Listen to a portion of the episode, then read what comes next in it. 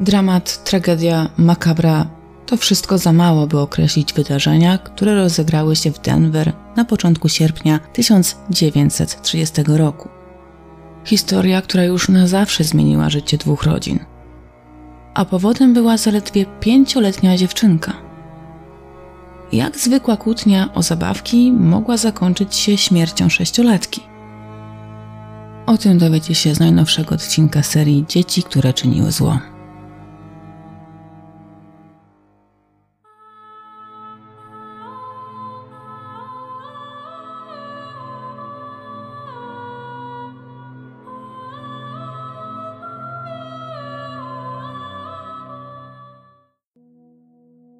Ci z Was, którzy dobrze już znają mój kanał, mogą czuć się nieco rozczarowani widząc długość dzisiejszego odcinka, bowiem zdaję sobie sprawę z tego, że nie będzie on należał do tych najdłuższych. Ale wierzcie mi, tutaj ta sprawa jest jedną z tych, przy których naprawdę opada szczęka. Dlatego pomimo naprawdę okrojonego materiału postanowiłam ją dla Was opracować. Bo jest to jedna z tych historii, która na pozór nigdy nie powinna się wydarzyć. A jednak to nie fikcja literacka, a faktyczne wydarzenia.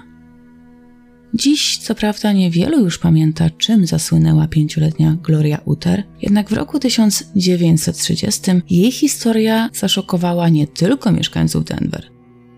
O sprawie pisały wszystkie największe tytuły ogólnokrajowe, a wzmianki na temat dziewczynki pojawiły się nawet w naszej polskiej prasie. Zanim jednak przejdę do omawiania historii, chciałam Wam tylko powiedzieć, że nie do końca wiem, jak poprawnie tutaj wymawiać nazwisko Glorii. Wierząc tutaj wszystkim wyszukiwarkom internetowym, to nazwisko Uter wywodzi się z krajów skandynawskich. Natomiast wybaczcie, ja nie będę tutaj łamała sobie języka, nie będę też specjalnie jakoś wchodziła w akcent angielski, chociaż ta sprawa niewątpliwie rozegrała się na terenach Stanów Zjednoczonych. Dla nas to będzie po prostu Gloria Uter. Jeżeli gdzieś tam popełnię błąd, jeżeli ta moja wymowa nie będzie poprawna, to wybaczcie mi to, ale jest to moim zdaniem taka poboczna kwestia, na której nie warto się skupiać. Ponieważ też, jak wspomniałam, ta sprawa nie należy do najobszerniejszych, to duża część informacji, które zaprezentuję Wam w dzisiejszym odcinku, pochodzi z, można tak powiedzieć, mojego własnego śledztwa. Ale mam nadzieję, że całość będzie dla Was spójna i wywoła refleksję na temat emocji dziecka, na temat wychowania dziecka, bo po wysłuchaniu tej historii wnioski nasuwają się same. Myślę również, że materiał pokaże niektórym z Was, że są takie tematy, których przy małych dzieciach poruszać się nie powinno. Bo tak naprawdę to nigdy nie wiadomo, jak taki niewykształcony umysł pewne kwestie sobie zinterpretuje. Ale przechodzimy sobie do sedna.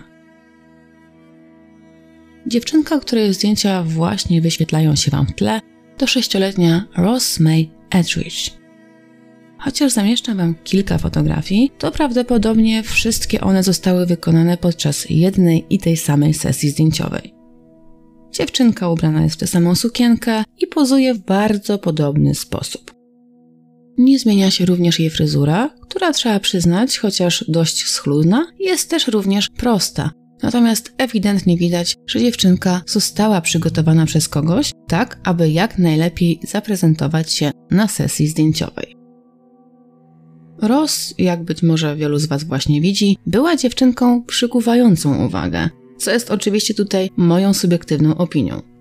Ale myślę, że wiecie o co mi chodzi.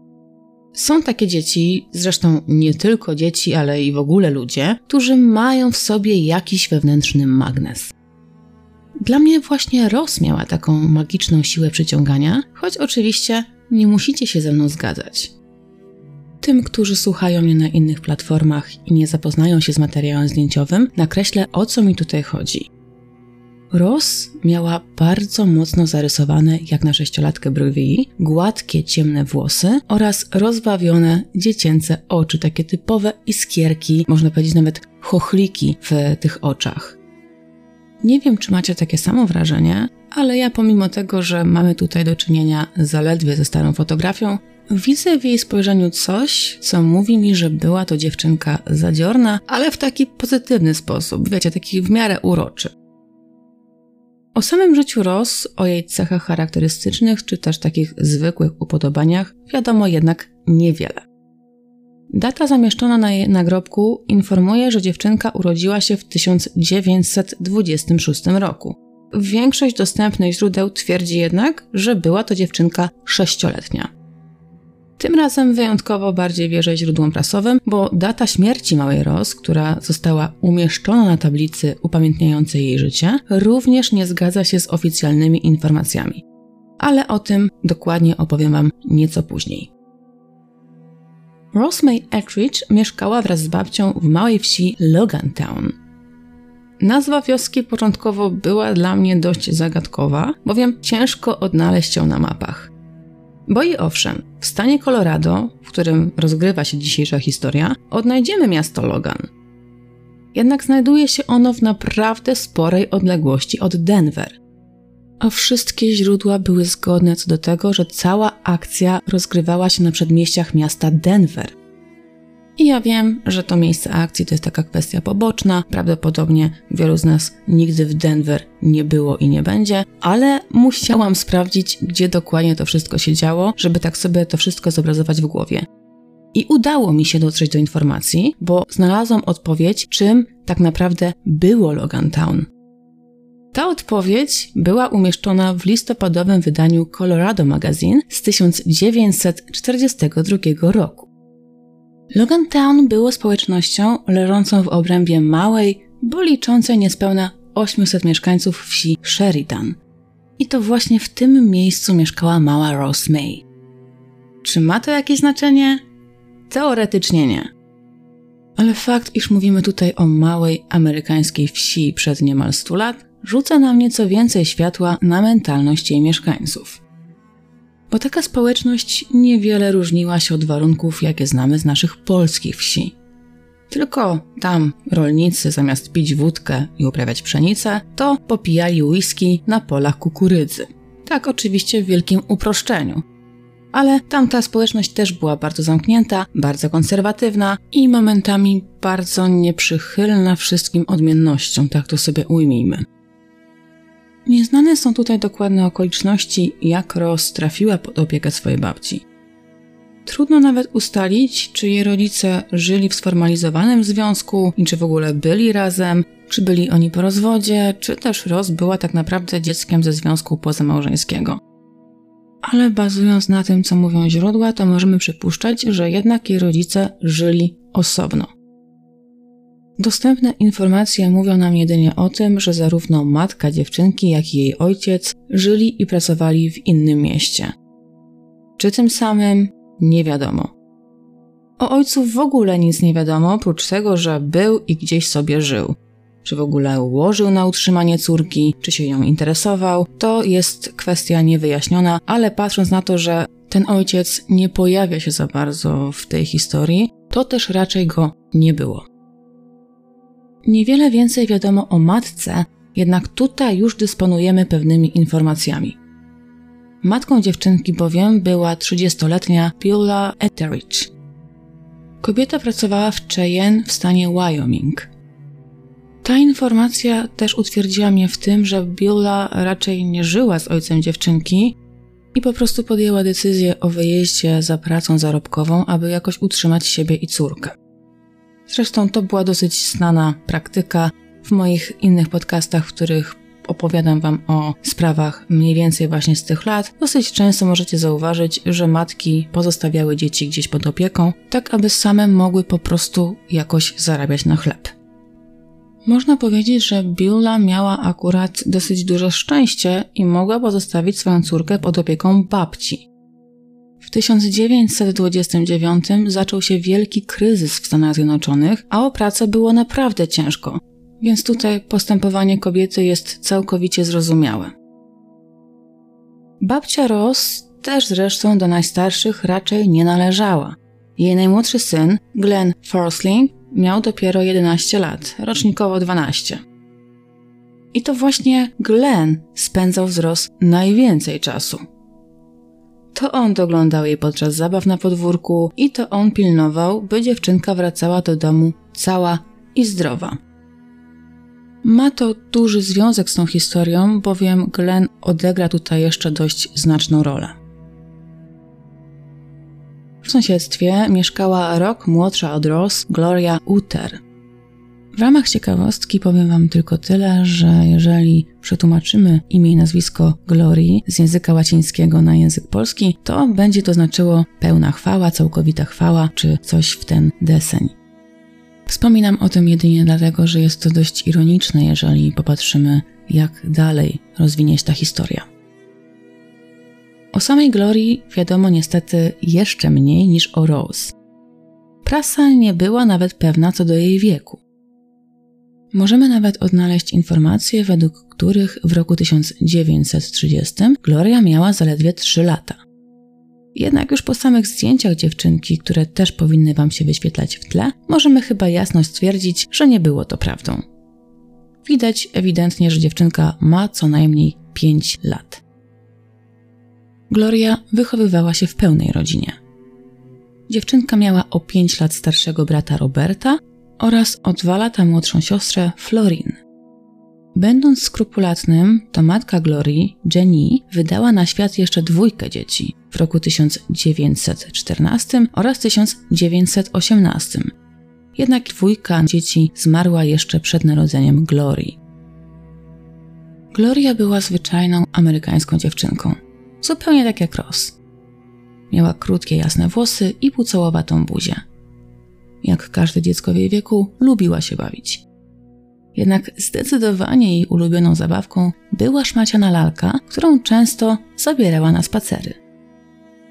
Za środek lokomocji służył jej zabawkowy, wiklinowy wózek. Na zdjęciu widać zarówno Glorię trzymającą ukochaną zabawkę, jak i właśnie wspomniany wózek. Na początku sierpnia 1930 roku okoliczne dzieci spotkały się na podwórku należącym do państwa Henri, jak już nam tutaj sugeruje samo nazwisko, prawdopodobnie imigrantów z Francji.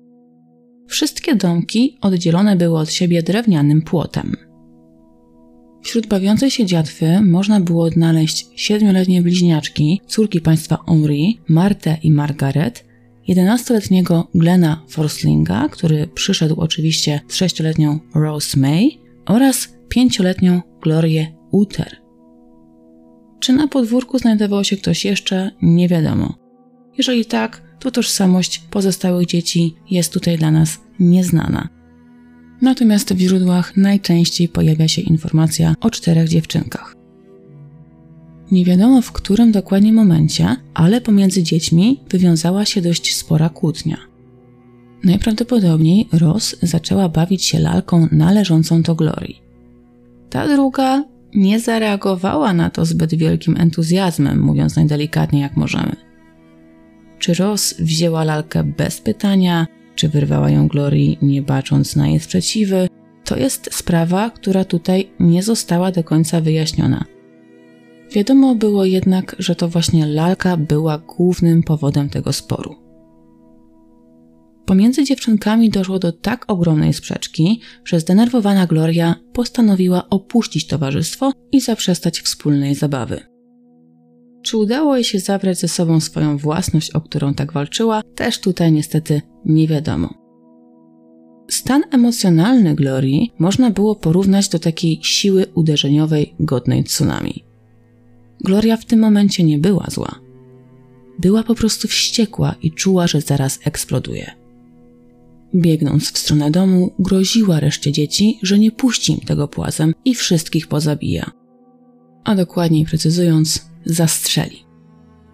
Odejście pięcioletniej Glorii z grupy zdawało się nie robić większego wrażenia na pozostałych.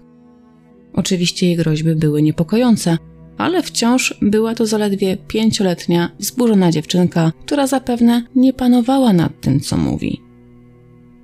Zabawa jednak już nie była aż tak przednia. Glenn chwycił swoją siostrzenicę za rękę celem odprowadzenia dziewczynki do domu. Już mieli wychodzić z podwórka państwa Henri, kiedy do ich uszu dobiegł ogromny huk wystrzału z broni palnej. Mała Gloria momentalnie zalała się krwią i osunęła się na ziemię. Zdezorientowany Glenn stał spanikowany.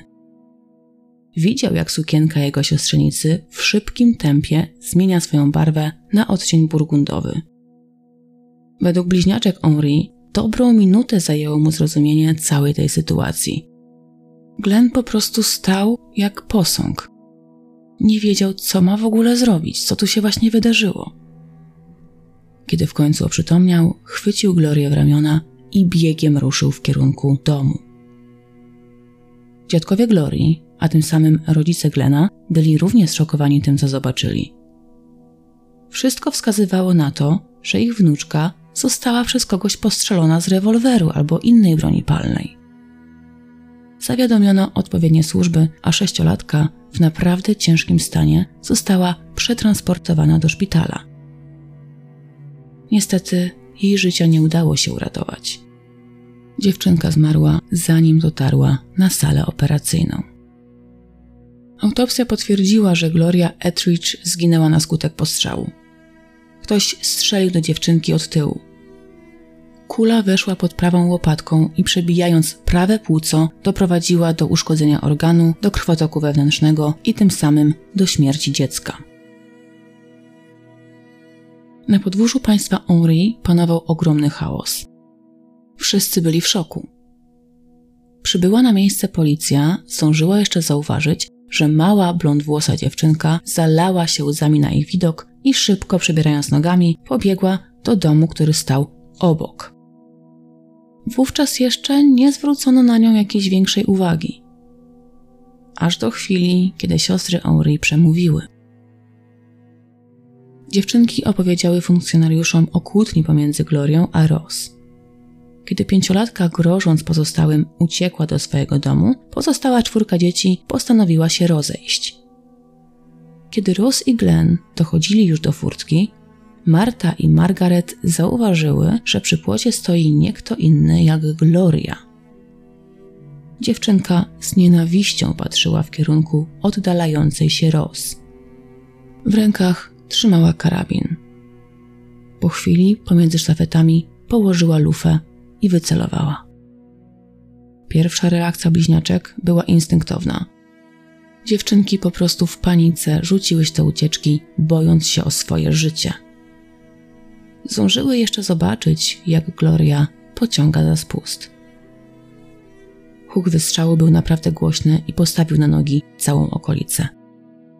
Marta i Margaret, będąc już w bezpiecznej odległości, odwróciły się za siebie. Wtedy też zobaczyły, że tuż przed ich furtką leży zakrwawiona Ros, a nad dziewczynką stoi zamurowany Glen. Opowieść bliźniaczek Henri brzmiała nieprawdopodobnie. Jednakowoż funkcjonariusze rzeczywiście przecież zarejestrowali postać małej, wystraszonej dziewczynki, która na ich widok postanowiła uciec z miejsca zdarzenia. Choć trudno było uwierzyć, że pięciolatka mogłaby zaatakować zbliżoną do siebie wiekiem dziewczynkę i to jeszcze z broni palnej, to trzeba było sprawdzić, ile prawdy zawierała historia sióstr Henri. W tym celu policja udała się do domu zajmowanego przez rodzinę Uter. Nie wiadomo tutaj, jak dokładnie wyglądało spotkanie policji z rodziną. Nie jestem w stanie odpowiedzieć Wam na pytanie, czy dziewczynka nadal miała przy sobie broń, czy pobiegła do rodziców i zrelacjonowała im, co dokładnie się wydarzyło przed chwilą, czy po prostu, wiedziona takim instynktownym strachem, schowała się przed policją. Ale pewne jest to, że dziewczynka przyznała się do tego, że to właśnie ona pociągnęła za spust. Śledztwo wykazało, iż pięciolatka od małego miała kontakt z bronią palną. I nie chodziło tutaj o to, że rodzina Uter była rodziną patologiczną, a ojciec od małego uczył swoje dzieci, jak obsługiwać się z bronią. Nie, nie, aż tak źle to nie było. Ale Rover Emerson Uter, czyli ojciec dziewczynki, nigdy jakoś specjalnie nie ukrywał strzelby przed dziećmi. Nie udało mi się potwierdzić tych informacji, ale najprawdopodobniej Rowell albo służył w wojsku, albo był w jakimś stopniu powiązany z armią. Dlatego temat wojny czy też broni palnej nie był jakimś takim tematem tabu w rodzinie. Zakłada się, że być może, i tutaj zaznaczam, być może Rowell często opowiadał o walkach z użyciem broni palnej. I chociaż swoich słów nie kierował bezpośrednio do dzieci, to jednak były one przy takich rozmowach obecne. Dzieci wiedziały również, gdzie ojciec trzyma strzelbę. Dlatego Gloria, niewiele myśląc, po kłótni z koleżanką wróciła na swoje podwórze, otworzyła drzwi do garażu i chwyciła za broń. Kiedy już trzymała w rękach zabójcze narzędzie, wróciła pod płot, przymierzyła lufę i strzeliła. Jak pięciolatce udało się tak celnie wymierzyć, to jest to dla mnie tutaj zagadką. Ale się udało. Roz, ugodzona kulą, padła na ziemię. Gloria była w autentycznym szoku. Zapytana przez funkcjonariuszy o sytuację, nie była tutaj w stanie wytłumaczyć, dlaczego w ogóle taki pomysł wpadł jej do głowy. Jedynym wypowiedzianym przez nią zdaniem, które było później cytowane przez wszystkie dzienniki i jest takie charakterystyczne dla tej sprawy, było stwierdzenie: Zabrała mi lalkę, to ją zastrzeliłam. To była sytuacja naprawdę wyjątkowa. Niewinne dziecko zginęło od kuli, a policja nie mogła aresztować mordercy, w tym przypadku akurat morderczyni. Gloria Uter miała zaledwie 5 lat. Według prawa obowiązującego w stanie Colorado, wobec małoletniego poniżej 10 roku życia, bez względu na przewinienie, nie można było wyciągnąć żadnych konsekwencji prawnych. Sprawa budziła więc nie tylko ogromne zainteresowanie wśród amerykańskiej społeczności, ale również olbrzymie kontrowersje. Dyskutowano na przykład na temat stanu psychicznego małej Glorii. Wiele osób żywiło głębokie przekonanie, że dziewczynka musi być w jakiś sposób zaburzona, no bo przecież żadne normalne dziecko w trakcie kłótni z rówieśnikami nie idzie i nie wyciąga rewolweru, z którego potem strzela do koleżanki albo kolegi. Również wśród psychiatrów rozgorzała dyskusja na temat motywacji, które popchnęły pięciolatkę do zbrodni. Większość biegłych psychiatrów była zdania, że dziewczynka po prostu kierowała się pierwotnym instynktem, który jest obecny u każdego człowieka. Ludzie dopiero wraz z wiekiem zaczynają działać bardziej logicznie i potrafią okiełznać swoje emocje. Małe dzieci, takie jak pięcioletnia Gloria, nie mają takiej możliwości już nawet nie wspominając o tym, że nie mają jeszcze wykształconej umiejętności ciągu przyczynowo-skutkowego. Czyli nie wiedzą, co się stanie tak naprawdę, jeżeli coś zrobią. Po prostu działają w emocjach, działają instynktownie i nie myślą, jakie będą tego konsekwencje. Ross zabrała Glorii lalkę. Coś, co dla dziewczynki było wyjątkowo ważne. Kiedy nie chciała oddać zabawki, pięciolatka wpadła w szał Szukała rozwiązania, które natychmiast pozwoliłoby jej wyładować nagromadzone emocje. Nie kalkulowała, co będzie potem. Prawdopodobnie w tamtym momencie nawet nie zdawała sobie sprawy, że to, co zrobi, będzie nieodwracalne. Inna grupa psychiatrów przekonywała, że na postępowanie dziewczynki duży wpływ miało środowisko, w jakim się wychowywała. Już pomijając oczywiście to, że była pięcioletnią dziewczynką, która nie potrafiła nad tymi emocjami panować. Z kontekstu można wywnioskować, że ojciec Glorii albo zabierał dzieci na strzelnicę, co by tutaj tłumaczyło, dlaczego Gloria tak sprawnie oddała strzał, albo też na tyłach domu miał takie miejsce, w którym strzelał do celu z broni palnej i w tym również uczestniczyły jego dzieci. Ale tak jak mówię, nie mam ku temu żadnych bezpośrednio mówiących na ten temat informacji ale sam kontekst wypowiedzi psychiatrów i wszystkie informacje zebrane do kupy świadczyły o tym, że jednak te dzieci coś wspólnego z bronią miały. W każdym razie ta druga grupa psychiatrów skłaniała się tutaj ku wersji, że co nie tyle sam wiek Glorii i jej instynkty, co po prostu środowisko i zaszczepione wartości spowodowały, że dziecko w momencie kryzysowym chwyciło za broń palną. A to już zdecydowanie nie była tylko jej wina, ale również jej rodziców. Gloria nie mogła odpowiedzieć karnie za zabójstwo sześcioletniej Rose May. Władze Denver zupełnie nie wiedziały, od jakiej strony ugryźć tę sprawę. Bo pod jakim kątem byśmy tutaj tej historii nie rozważyli, to mieli oni związane ręce. Prokuratura wiedziała, że dziewczynka nie może trafić do żadnego ośrodka zajmującego się resocjalizacją trudnej młodzieży. ale przecież coś trzeba było zrobić. Przez działanie Glorii zginęło sześcioletnie dziecko. Dlatego też spróbowano zadziałać tutaj od nieco innej strony. Rodzinie Uter zasugerowano, że dobrym rozwiązaniem byłoby umieszczenie dziewczynki w placówce, która zajmowała się zdrowiem psychicznym dzieci i młodzieży. Specjaliści mogliby przeprowadzić odpowiednie badania, dzięki którym być może udałoby się tutaj uzyskać odpowiedź na pytanie, dlaczego Gloria zastrzeliła koleżankę. Czemu akurat ten pomysł wpadł jej do głowy i dlaczego go zrealizowała? Jednak i tutaj prawo nie pozwalało na przymusowe umieszczenie dziewczynki w szpitalu. Decyzja o badaniach i ewentualnej hospitalizacji należała do prawnych opiekunów Glorii. A takiej zgody jej rodzice nie wyrazili. Trudno jest tutaj skomentować ich decyzję. Nie potrafię jej ani zrozumieć, ani krytykować, bo też zdaję sobie doskonale sprawę z tego, że najpewniej uterowie kierowali się tutaj dobrem swojego dziecka. Gloria i tak już była w ciężkim szoku. Wydarzenia, jakie rozegrały się pod domem państwa Uri, naprawdę wywołały u niej ogromną traumę, a dziewczynka już całe życie miała żyć z piętnem morderczyni.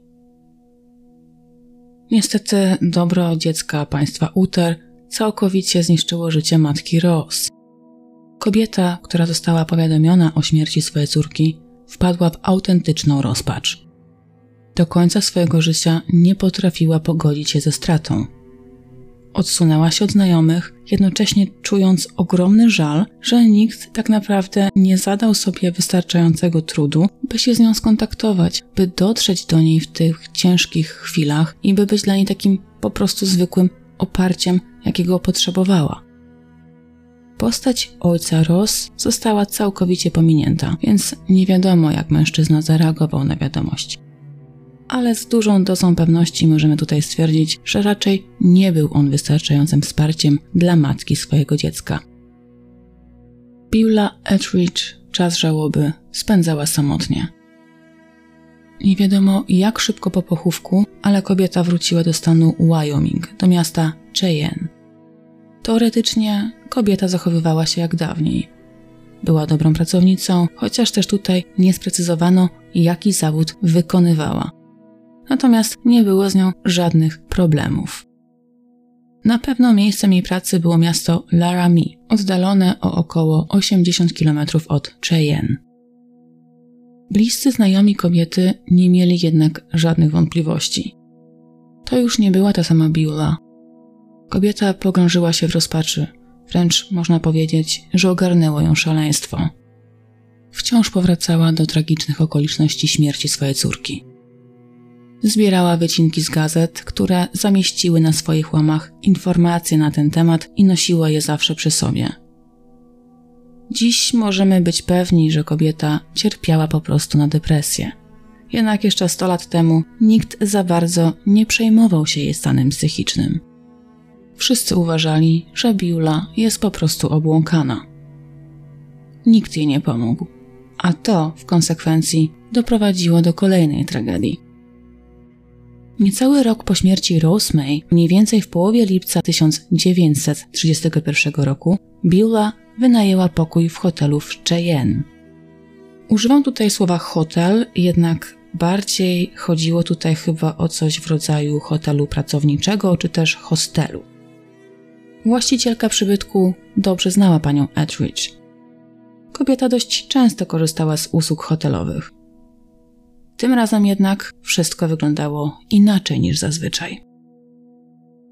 Mniej więcej w godzinie po zameldowaniu Beulah Etheridge wybiegła na korytarz. Była roztrzęsiona i zapłakana. Jej stan można było określić jako histeryczny. Kobieta poinformowała właścicielkę hotelu, że właśnie zażyła truciznę. Na miejsce natychmiast wezwano pomoc medyczną. Było już jednak zbyt późno, by uratować jej życie. Beulah Etheridge zmarła podczas transportu do szpitala. Dokładnie tak samo, jak jeszcze przed rokiem jej córka. W wynajętym przez nią pokoju odnaleziono wycinki z gazet. Wszystkie informowały o tragicznej śmierci jej córki. zanim Biula spożyła truciznę, zdążyła jeszcze napisać dwa listy. Dokładni adresaci korespondencji nie zostali wymienieni z imienia i nazwiska, jednak jeżeli wierzyć tutaj amerykańskim dziennikom, to byli to bliscy znajomi denatki. Listy były pełne goryczy. Biula zarzucała swoim przyjaciołom, że ci nie wykazywali wystarczającego zainteresowania jej losem. Ich listy przychodziły zbyt rzadko, a ona po śmierci swojej córki czuła się pozostawiona sama sobie. Nie tylko musiała mierzyć się z żałobą, ale jednocześnie czuła się ogromnie samotna. W obliczu ustalonych informacji policja zdecydowała się nie wszczynać śledztwa. Wykluczono, aby w śmierć kobiety zamieszane były osoby trzecie. Biula, nie mogąc pogodzić się ze stratą córki, z własnej woli postanowiła odebrać sobie życie. Ciało denatki przetransportowano do Denver. Organizacją uroczystości pogrzebowej zajęła się jej matka, Ethel Pittman. Ciało spoczęło na cmentarzu Fairmount w Denver, tym samym, na którym została pochowana jej córka. Oba nagrobki istnieją do tej pory. Ich zdjęcia powinny się Wam wyświetlać w tle materiału. Obie tablice znajdują się w tej samej sekcji cmentarza, co w sumie może tłumaczyć tą złą datę śmierci małej Rose. Być może Ethel Pittman zadecydowała o ekshumacji ciała swojej wnuczki, by dziewczynka spoczęła tuż obok swojej matki. Rok umieszczony na płycie nagrobnej jest po prostu datą drugiego pochówku. Ale są to oczywiście moje spekulacje. Zapewne nikt z Was do Denver się nie wybiera i raczej marne szanse, by właśnie słuchał mnie ktoś, kto mieszka akurat w tym mieście. Raczej więc ciężko będzie odwiedzić miejsce ich pochówku, natomiast pozostawiam Wam w komentarzu linki do profili na stronie Find a Grave. Tam też można postawić taką wirtualną świeczkę ku pamięci obu kobiet, kobiety i dziewczynki w sumie.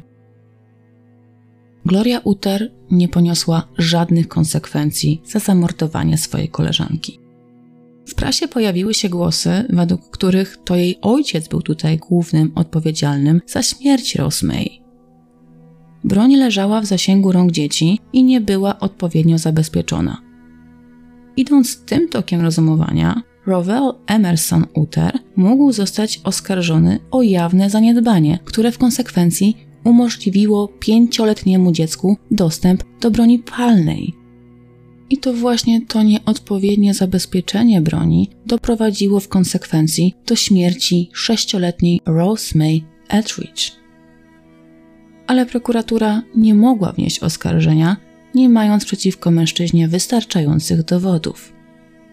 Rodzina Uter oświadczyła, że oczywiście głęboko ubolewa nad zaistniałą sytuacją, jest im bardzo przykro z powodu tej tragedii, jednak nie do końca poczuwa się ona do odpowiedzialności. Broń, co prawda, znajdowała się w garażu, do którego dzieci miały dostęp. Jednak Rowell przekonywał, że strzelba nie była nabita. Nie wiedział, jak to się stało, że ktoś umieścił nabój w środku, ale prawdopodobnie musiała to zrobić sama Gloria. I co prawda słabo znam się na broni palnej, ale za dzieciaka na strzelnicę jednak chodziłam i z wiatrówki strzelałam. Nie wiem, jaką bronią dokładnie dysponował pan Uter, bo amerykańska prasa użyła jedynie określenia rifle, co może sugerować, że był to jakiś karabin strzelecki. Prawdopodobnie jakiś taki, można powiedzieć, półmyśliwski, który był potrzebny panu Uter do polowań. Trudno mi wyobrazić sobie, że małe, nieporadne, pięcioletnie dziecko miałoby wystarczająco dużo siły, by załadować pocisk do lufy. Kiedy chodziłam na strzelnicę, miałam około 11 lat i musiałam prosić o pomoc starszych o kilka lat nastolatków, by pomogli mi załadować pociski czy też naboje do wiatrówki. Bo aby tego dokonać, to trzeba było mieć naprawdę dużo siły fizycznej. Nie wiem, może teraz coś się zmieniło, aczkolwiek nie sądzę, żeby broń używana 100 lat temu była łatwiejsza w obsłudze. Tym bardziej nie sądzę, by dziecko o połowę młodsze dałoby sobie radę z takim manewrem. Ale dowodów żadnych nie było, a Gloria nic na temat sprawy nie mówiła. Z dziewczynki nic, dosłownie nic nie dało się wydusić. Jedyne, co udało się ustalić, to fakt, iż dziewczynka zupełnie nie zdawała sobie sprawy z powagi czynu. Nie była świadoma, że jej koleżanka straci swoje życie. Tak abstrakcyjne pojęcie jak śmierć było jej po prostu obce. Czy była winna śmierci małej Ros? W moim odczuciu nie. Pociągnęła za spust. To ona oddała śmiertelny strzał. Jednak z uwagi na swój wiek i nie w pełni rozwinięty układ nerwowy, nie mogła wiedzieć, że Ross May poniesie tak wielką karę, że dziewczynka naprawdę już nigdy więcej do życia nie powróci. Gloria chciała po prostu ukarać koleżankę. Jej zachowanie niczym nie różniło się od zachowania innych dzieci w jej wieku. Kto kiedykolwiek miał styczność z dziećmi w tym przedziale wiekowym, zwłaszcza z tymi, które mają dosyć duży temperament, ten na pewno wie o czym mówię. Logika raczej nie jest ich mocną stroną. Takie dzieci dopiero uczą się panować nad emocjami, które kierują wszystkimi ich poczynaniami. Niektóre pięciolatki w przypływie złych emocji potrafią krzyczeć, bić i rzucać przedmiotami. Zwykle takie bójki pomiędzy rówieśnikami w tym wieku kończą się zazwyczaj na jakichś siniakach, ewentualnie zadrapaniach. Tutaj konsekwencje były dużo bardziej dramatyczne. Ale do tego doprowadziło wychowanie Glorii, a raczej źle pokierowane wychowanie. Dlatego chociaż popieram opinie biegłych wypowiadających się o pierwotnych instynktach, które kierowały tutaj pięciolatką, to też nie mogę do końca odrzucić drugiej opinii psychiatrycznej. Gdyby Gloria była wychowywana inaczej, gdyby nie miała kontaktu z bronią od małego i co najważniejsze, gdyby ten karabin leżał w niedostępnym dla niej miejscu, ta tragedia zapewne nigdy by się nie wydarzyła. Dziecko, które nie ma kontaktu z bronią, nie wie jak ona działa, nie wie po co jej się używa, raczej nie wpadnie na pomysł, a zastrzelę koleżankę. Gloria nieraz musiała widzieć, jak jej ojciec strzela z broni palnej. Bo w normalnej sytuacji może i doszłoby do bójki. Może nawet w ruch poszłyby kamienie czy jakieś większe patyki. Ale to, co się zadziało, to była tylko i wyłącznie wina rodziców małej Glorii. To oni mieli znaczący wpływ na to, jaki stosunek do broni miała ich córka i macie oczywiście pełne prawo się ze mną nie zgadzać. Ale przez zaniedbanie rodzicielskie państwa Uter życie straciły dwie zupełnie niewinne osoby. Rose May oraz jej zrozpaczona matka. Późniejsze życie Glorii raczej było pozbawione już podobnych kontrowersji. Według dostępnych informacji kobieta wyszła za mąż. Jej wybrankiem był Raymond Barritua, Ilu dokładnie dzieci doczekała się para, to też do końca nie wiadomo. Źródła informują o jednej córce, ale oczywiście tych dzieci mogło być więcej. W dalszą genealogię rodziny się nie zagłębiałam, bo też nawet jeżeli córka Glorii miała swoje dzieci, które prawdopodobnie jeszcze żyją, to też nie za bardzo chciałam mieszać je w tę historię. To jest sprawa ich babci bądź prababci. Sama Gloria dożyła sędziwego wieku. Zmarła 16 stycznia 2011 roku. Miała wtedy 85 lat. Rok później dołączył do niej jej małżonek. Para pochowana jest we wspólnym grobie na cmentarzu wojskowym w Idaho, co też miało bezpośredni związek z działalnością jej męża. Raymond był bowiem weteranem wojennym biorącym udział w II wojnie światowej. Czy historia sprzed lat odcisnęła na niej piętno? Czy kobieta pamiętała, czego dokonała jako pięcioletnie dziecko? Myślę, że tego już nigdy nie uda nam się dowiedzieć. Glenn Forsling, jedenastolatek, który był naocznym świadkiem morderstwa swojej siostrzenicy, prawdopodobnie wciąż żyje, przynajmniej według dostępnych źródeł. Udało mi się odnaleźć nagrobek jego żony, Obok jest oczywiście imię i nazwisko Glena, natomiast data śmierci na jego nagrobku pozostaje nieuzupełniona. to by sugerowało, że mężczyzna nadal żyje. Ale możliwe, że po prostu dane nie zostały zaktualizowane. Gdyby jednak mężczyzna wciąż żył, miałby dziś 104 lata. Dzisiejsza historia jest naprawdę opowieścią nieszablonową. Wydarzyła się ogromna tragedia, ale ciężko jest tutaj winić pięcioletnie dziecko. Ciężko jest też tutaj go nie winić, bo jednak jej poczynania, to co zrobiła, doprowadziły do śmierci sześcioletniej dziewczynki oraz jej zrozpaczonej matki. A to wszystko ze sprawą kłótni o lalkę. Jestem bardzo ciekawa, jakie refleksje naszły Was po dzisiejszym odcinku, więc proszę podzielcie się Waszymi spostrzeżeniami w komentarzu, a do wszystkich osób, które słuchają mnie na platformach innych niż YouTube, mam taką małą prośbę. Ostatnio sprawdzałam statystyki i okazało się, że momentami więcej słuchaczy odsłuchuje moich odcinków na Spotify. Oczywiście cieszę się, że mam takie duże grono słuchaczy, natomiast to wszystko przyczynia się na spadki moich zasięgów w serwisie YouTube. Jeżeli więc chcielibyście wesprzeć moją pracę, to nie proszę Was o to, abyście przerzucili się na inną platformę. Natomiast po wysłuchaniu odcinka proszę wejdźcie na mój profil, zostawcie chociaż łapkę w górę, a to naprawdę wiele mi pomoże w rozwoju. I chociaż dzisiejsza sprawa była zdecydowanie krótsza, to moim zdaniem warta była przypomnienia, bo może skłonić nas do pewnych przemyśleń, pokazać nam, że dzieci mogą naprawdę przeróżny sposób odebrać to, co my mówimy. A to niekiedy może doprowadzić do tragedii. Dlatego proszę Was, patrzcie, o czym mówicie przy dzieciach, patrzcie, jakie słowa kierujecie, patrzcie, jakie konwersacje przy nich prowadzicie. One rozumieją więcej niż Wam się wydaje. Dziękuję Wam za wysłuchanie dzisiejszej historii. Mam nadzieję, że usłyszymy się niebawem. Trzymajcie się ciepło.